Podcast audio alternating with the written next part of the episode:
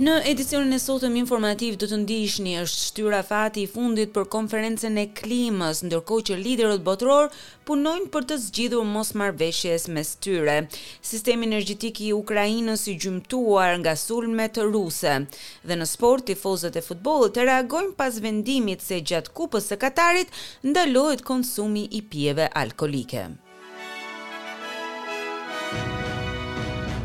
Fillojmë gjerësisht me lajme, themeluesja e Theranos Elizabeth Holmes është dënuar me më shumë se njëmbëdhjetë vite burg për mashtrim të investitorëve gjatë operacioneve të kompanisë së saj në lidhje me testimin dhe analizat e gjakut. Kompania e teknologjisë me bazë në Silicon Valley ka thënë në mënyrë të rreme se ishte në gjendje të identifikonte praninë e sëmundjeve të tilla si kanceri apo diabeti vetëm me disa pika gjaku në vend të gjilpërave. Në janar ajo u shpall fajtore se kishte gënjyer investitorët në lidhje me teknologjinë e kompanisë së saj, Tridhjetë e tetë vjeçarja u largua nga Universiteti Stanford kur ishte nëntëmbëdhjetë vjeç për të nisur kompaninë e saj, e cila dikur vlerësohej me njëmbëdhjetë miliardë dollarë vlerë. Prokurori i Përgjithshëm i Shteteve të Bashkuara Merrick Garland ka emëruar të premten zotin Jack Smith si Prokuror të Përgjithshëm, i cili do të ketë detyrën të mbikëqyrë hetimet e Departamentit të Drejtësisë në lidhje me praninë e dokumenteve sekrete në pronat e ish-presidentit Donald Trump në Florida. Ai do të merret gjithashtu edhe me hetimet e veçanta të cilat kanë të bëjnë me sulmet e gjashtë janarit të vitit dy mijë e njëzet e një në lidhje me Capitol, si dhe përpjekjet për të ndryshuar rezultatin e zgjedhjeve presidenciale të vitit dy mijë e njëzet. Vendimi është publikuar vetëm tre ditë pasi zoti Donald Trump ka shpallur zyrtarisht kandidaturën e tij për zgjedhjet presidenciale amerikane, të cilat pritet të mbahen në vitin dy mijë e njëzet e katër. The Department of Justice has long recognized that in certain extraordinary cases, it is in the public interest to appoint a special prosecutor. Departamenti i Drejtësisë e ka pranuar prej kohësh se është në interesin publik të emërojë një prokuror special i cili do të drejtojë në mënyrë të pavarur hetimet dhe ndjekjet penale në bazë të zhvillimeve të fundit, duke përfshirë këtu edhe njoftimin e ish-presidentit se ai ka shpallur kandidaturën për president në zgjedhjet e ardhshme, synimet e tij për kandidat presidencial, të cilat natyrisht janë në interes të publikut dhe kjo është arsyeja pse kemi caktuar një këshilltar special. Prokurori i posaçëm do t'i raportojë prokurorit të përgjithshëm Garland, i cili ka fjalën përfundimtare nëse do të ngrejë akuza kundër Trump apo jo. Afati për një konferencë globale për klimën, e cila po mbahet në Egjipt, është shtyrë me një ditë në përpjekje për të zgjidhur mosmarrëveshjet për çështjet kryesore mes palëve. Konferenca dyjavore e quajtur COP twenty seven do të përfundonte të premten në rezortin egjiptian të Sharm el Sheikh, por ministri i Jashtëm i Egjiptit, Sameh Shukri, president i COP tha se konferenca do të zgjatet deri sot, për të lejuar më shumë kohë rreth bisedimeve që po zhvillohen mes ndarjeve midis negociatorëve të cilët janë mbledhur në qytetin e Detit të Kuq. On Monday we shifted gears and accelerated the pace of our work. Today we need to shift gears again. Të hënën përshpejtuan ritmet e punës dhe do të ndërrojmë përsëri këto ritme sepse koha nuk është në anën tonë. Ndihemi të shqetësuar në lidhje me numrin e çështjeve të pazgjidhura, përfshirë këtu financat, përshtatjet, humbjet dhe dëmtimet në lidhje me proceset klimatike, tha ai.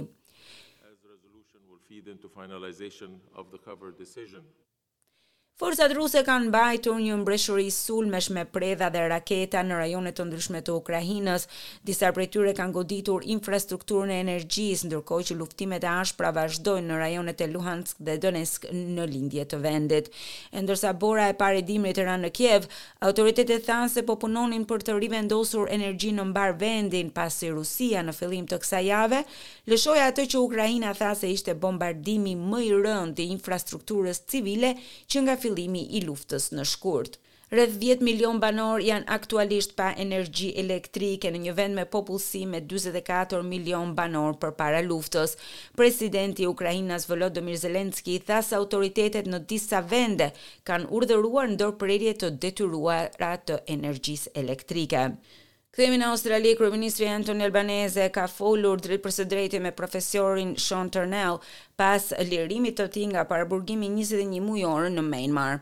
Profesori Turnell u burgos pas grushtit të shtetit ushtarak në Myanmar dhe u dënua me tre vite burg me arsyen e shkeljes së aktit zyrtar të sekreteve shtetërore të vendit. Kryeministri tha se ndjehet mirënjohës për faktin që profesor Turnell mund të kthehet në atdheun e tij.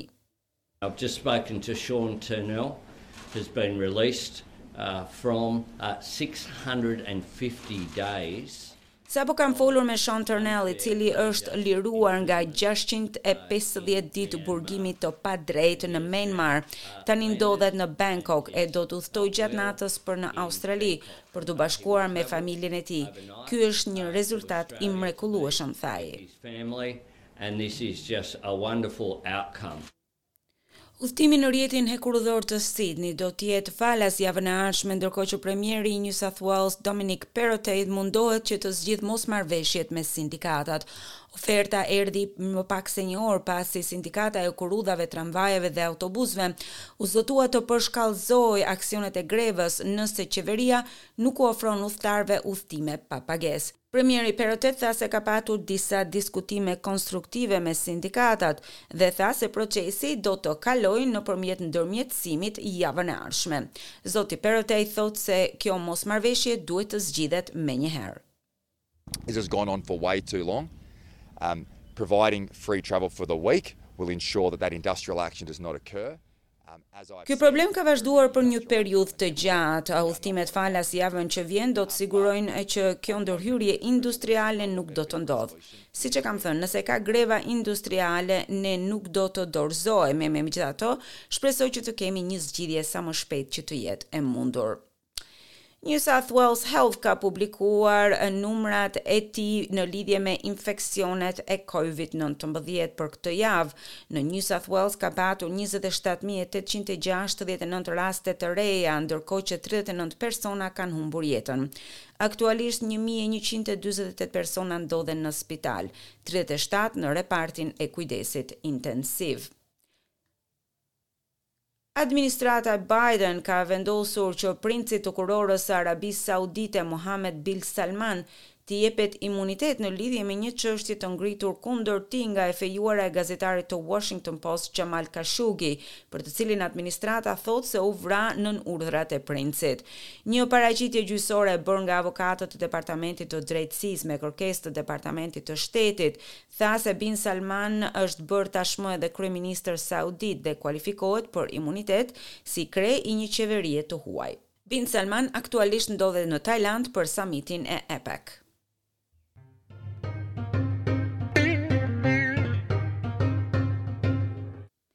Kalojmë në kursin e këmbimit të valutës australiane. Një dollar australian sot këmbehet me shtatëdhjetë e pesë pikë pesë lekë shqiptare, zero pikë gjashtëdhjetë e pesë euro, zero pikë gjashtëdhjetë e shtatë dollarë amerikanë dhe tridhjetë e nëntë pikë gjashtë denarë maqedonas.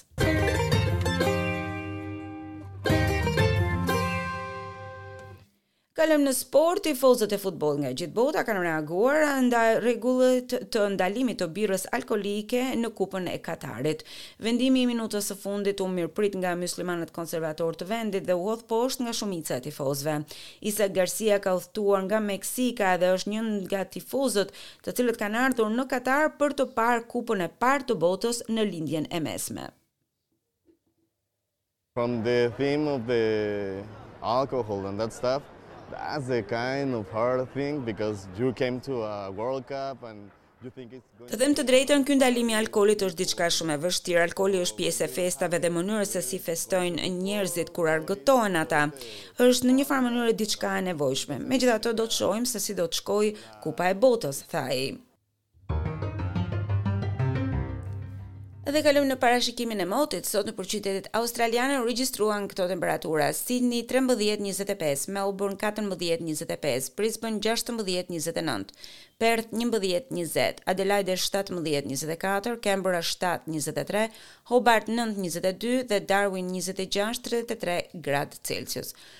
Për nesër byroja e parashikimit të motit sjell këto temperatura, Sidni tetëmbëdhjetë njëzet e nëntë, Melburn trembëdhjetë nëntëmbëdhjetë, Brisbën njëzet tridhjetë e tre, Perth dhjetë njëzet e dy, Adelaide dymbëdhjetë nëntëmbëdhjetë, Canberra trembëdhjetë tetëmbëdhjetë, Hobart trembëdhjetë tetëmbëdhjetë dhe Darwin njëzet e gjashtë tridhjetë e tre gradë Celsius.